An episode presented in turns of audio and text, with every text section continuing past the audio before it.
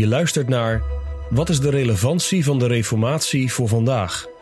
Een podcast van Geloofsterusting door dominee Henk van der Meld.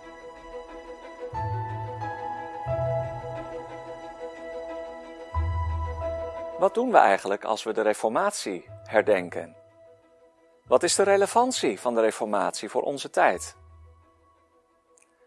Je kunt de betekenis van de Reformatie misschien het beste samenvatten in één woord, namelijk vrijheid.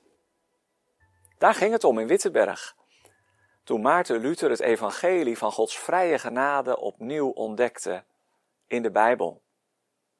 Het begon natuurlijk allemaal met de aflaat, waar hij tegen protesteerde.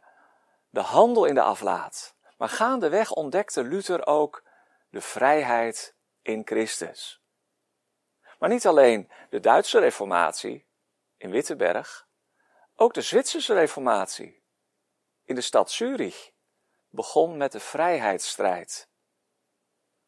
Toen Ulrich Zwingli, de voorganger in de Groosmünster, de grote kerk van Zurich, begon te preken uit het Matthäus-evangelie en gaandeweg ontdekte wat de boodschap was van het evangelie, een blijde boodschap.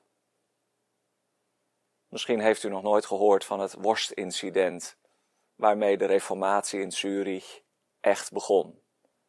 Het was zo'n vijf jaar na de 95 stellingen van Maarten Luther in Wittenberg.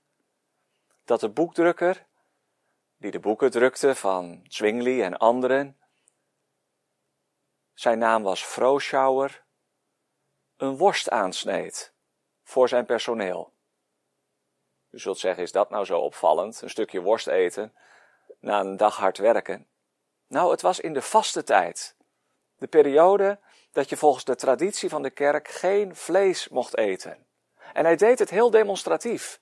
Geïnspireerd door de prediking van het evangelie, brak hij met de traditie van de kerk. Zwingli was erbij. Het verhaal gaat dat hij niet van de worst gegeten heeft. Maar wie zwijgt, stemt toe, en de stad was in rep en roer. Overal werd er over gesproken. De zondag daarop preekte Ulrich Zwingli over de vrijheid om te eten of om te vasten wanneer je dat als christen zelf wilt. Want vasten wordt niet in de Bijbel voorgeschreven. Het is gewoon een traditie van de kerk. Vrijheid dus. In Wittenberg, in Zurich en ook later in Genève, waar de Reformatie begon onder leiding van Willem Farel en Johannes Calvijn. Zij kregen een conflict met de stadsraad over de vrijheid van de kerk. De kerk moest vrij zijn om zelf te bepalen wie er wel en niet aan het avondmaal mochten gaan. Vrij van de dwang van de overheid. Een vrije kerk.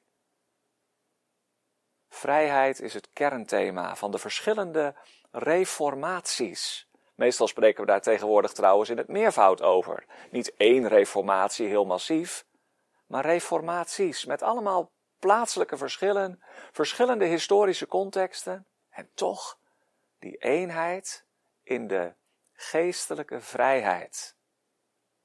De reformatie gaat om de vrijheid van de zonde en de gevolgen van de zonde door het geloof in de Heer Jezus Christus. Hij redt, Hij maakt ons vrij. Alleen in Hem is de ware vrijheid te vinden. De Reformatie gaat ook over de vrijheid van het woord. Niet de kerk bepaalt de inhoud van de Bijbel, maar laat het woord maar zelf voor zichzelf spreken. De Reformatie gaat ook over de vrijheid van de kerk. Los van de overheid moet de kerk vrij zijn om aan de hand van de Bijbel het leven in te richten en de eredienst in te richten zoals God het wil. De Reformatie gaat om de vrijheid van het geweten. Ieder mens staat uiteindelijk persoonlijk tegenover God. En natuurlijk gaat de Reformatie om de vrijheid van de Heilige Geest.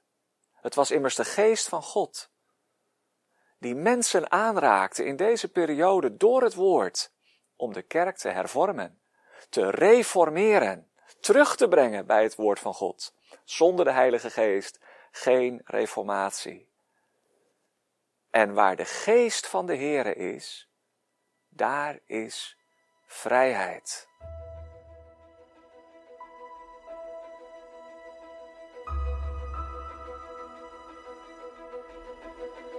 Je luisterde naar een podcast van Geloofsterusting. Wil je meer luisteren, lezen of bekijken? Steun dan onze missie en ga naar de website geloofsterusting.nl.